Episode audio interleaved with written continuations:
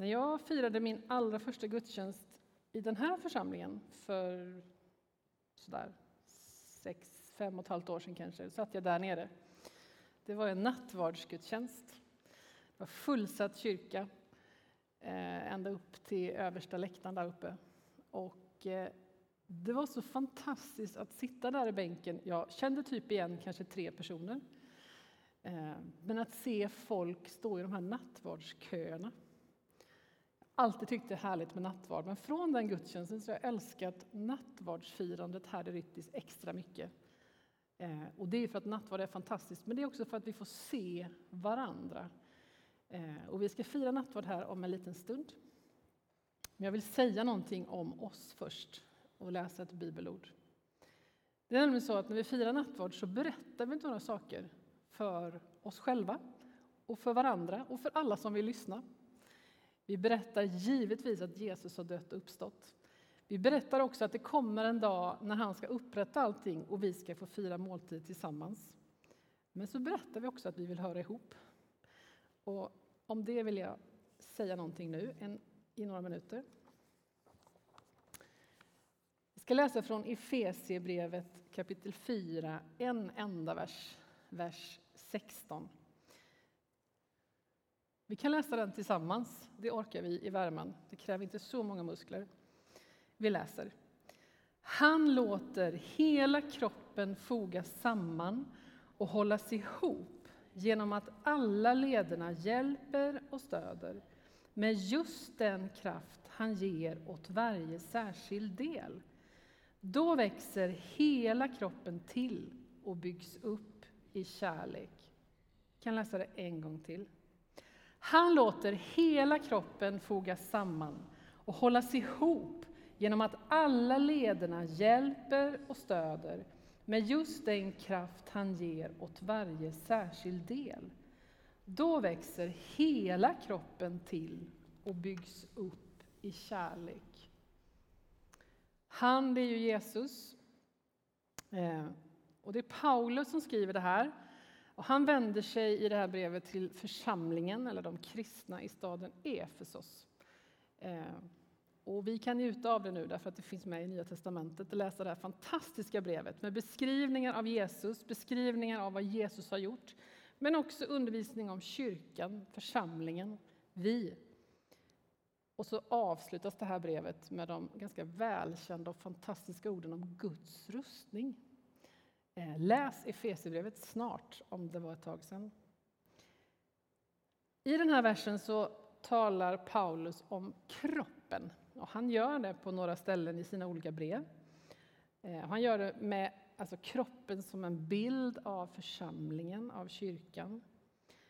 Det är ju på många sätt en genialisk bild.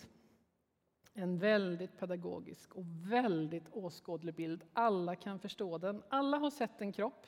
Alla har en kropp. Alla kan liksom förstå vad det är man ska se framför sig. Och Paulus säger att Jesus är huvudet och vi är hans kropp. Hela kyrkan är hans kropp.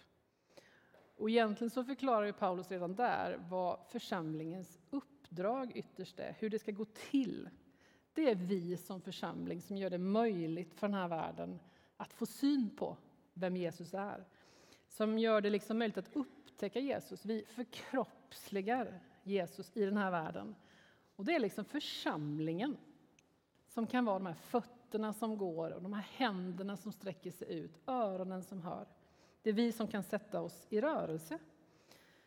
Och så med den här bilden förklarar också Paulus hur vi alla som vill tillhöra honom, som vill vara med i den här kroppen, hur vi existerar som individer i förhållande till varandra att vi hänger ihop som en kropp. Det går inte att separera oss. Vi kan inte fungera eller vara frikopplade liksom från de andra. Vi behöver alla slags olika gåvor, alla slags olika funktioner och kombinationer. Och vi är inte bara bättre tillsammans, som vi brukar säga ofta. Vi är inte bättre tillsammans, utan vi är egentligen inte om vi inte är tillsammans. Ingen hand kan liksom göra något utan att höra till kroppen. Ingen fot kan göra någonting utan att höra till kroppen. Och vi kan heller inte vara bara en massa händer eller en massa fötter och tro att vi är en kropp. Ibland klagar vi på att Bibeln är svår att förstå, men när det kommer till det här så är det fruktansvärt lätt att förstå. Alla kan se en kropp framför sig. Alla har en kropp. Och det jag just sa, att allt kan inte bara vara händer, det förstår en treåring som skulle fnissa om vi påstår att det skulle fungera. Eh, så svårigheten är inte att förstå det, men det är klart, det är ju lite att förhålla sig till. Eh, men det blir komiskt när vi tänker på en kropp som bara skulle bestå av en enda kroppsdel. Vi vill kanske inte göra oss beroende av varandra. Och vi vill kanske inte alltid acceptera att ja, men precis som jag blir accepterad och min gåva behövs, så behövs också de andra. Som inte är som jag, eller som inte tänker som jag, som inte uttrycker sig som jag, som inte liksom beter sig som jag. De gåvorna, andras gåvor, andras personligheter och andras funktioner behövs också. Det är utmanande att höra ihop och nu har vi inte övat på det lika tydligt på ett tag. Vi får se hur det kommer gå. Det kräver någonting av oss att liksom göra oss beroende av varandra. Det är ibland ansträngande att samexistera och samarbeta. I den här bibelversen från Efesierbrevet som vi nyss läste tillsammans så beskrivs det så vackert att det är Jesus själv som vill göra någonting i oss som gemenskap. Han vill göra någonting med oss. Han vill göra det så att vi kan växa samman, att vi kan bli den här kroppen liksom allt mer eh, fungerande som kropp och så att vi ska kunna fullgöra hans uppdrag tillsammans. Eh, Paulus beskriver hur det är ett samarbete mellan det som Jesus gör och det som vi gör, det som vi låter honom göra. Och jag älskar en mening ur den här versen där det liksom böljar fram och tillbaka, en sorts arbetsordning, hur det här är tänkt att gå till. Jesus och vårt samarbete. Så här stod det ju. Jesus låter hela kroppen fogas samman och hållas ihop genom att alla lederna hjälper och stöder med just den kraft han ger åt varje särskild del. Hör ni hur det böljar, det här samarbetet? Han låter oss foga samman. Hur då? Genom att alla vi, alla leder, hjälper och stöder. Hur då? Genom hans kraft som han ger till oss.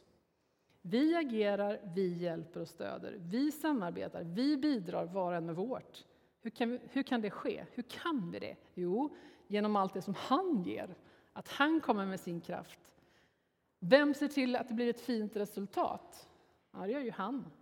Han låter hela kroppen foga samman i kärlek. Jesus, vi, Jesus, alla vi tillsammans. Vi får liksom göra tillsammans med allt det som vi har fått och resultatet är hans.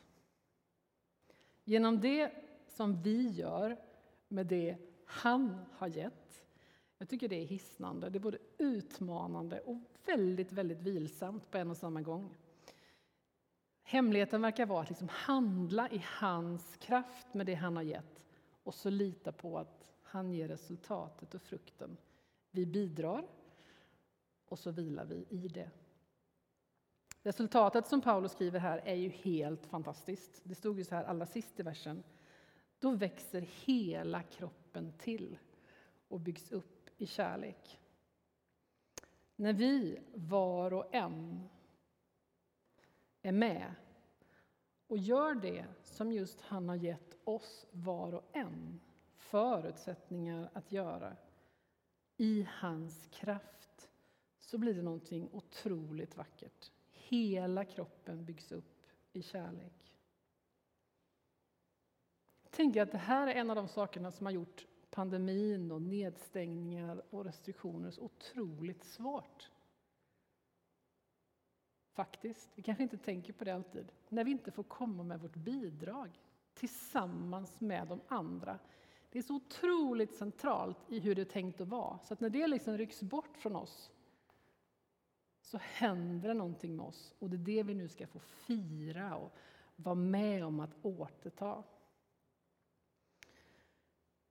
Mikael Telbe som är teolog och författare och pastor, han har skrivit så här i sin bok Med framtiden i ryggen. I Efesierbrevet blir det tydligt att Gud tar kyrkan på allvar. Församlingen beskrivs både som Guds familj och Guds tempel, vilket innebär att de troende är ett uttryck för Guds kärlek och närvaro i världen. Guds kärlek och närvaro i världen. Församlingen är också Kristi kropp, ett uttryck för Guds fortsatta liv på jorden. Denna kropp kommer i funktion och växer när de troende överlåter sig till varandra och tjänar varandra med de tjänster och gåvor som Kristus gett. Du och jag, alla vi som vill följa Jesus, höra till kroppen, vi har en plats i den där kroppen.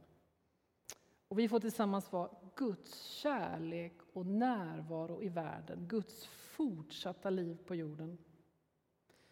Vi har alla en given begåvning och funktion. Vi får tjäna i kombinationer med andra. Och utan var och en av oss blir det haltande och svagt. Och så är det alltid plats för fler. Den här kroppen ska förfinas och fortsätta utrustas. Vi ska bli allt mer lika Jesus. Det är utmanande. Och så är det alldeles, alldeles underbart. Låt oss be. Jesus, du känner oss var och en. Du vet var vi är på vår vandring med dig. Du vet den som kanske ännu inte känner att man har lärt känna dig eller att man hör till den här kroppen.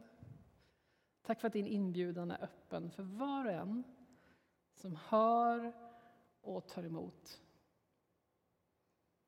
Du vet den som kanske känner att man just nu efter så lång tid av isolering och där det där som man kanske var van att få engagera sig i, där man hade liksom hittat sitt tjänande, att det har ryckts ifrån en och så vet man inte riktigt vem man är. Tack för att du igen vill låta oss få kliva in i det där som du hade tänkt för oss var och en. Tack att vi idag, när vi firar nattvard, får liksom se varandra och glädjas. Och tack att vi idag får säga till våra egna hjärtan och till varandra att vi tänker minsann höra ihop.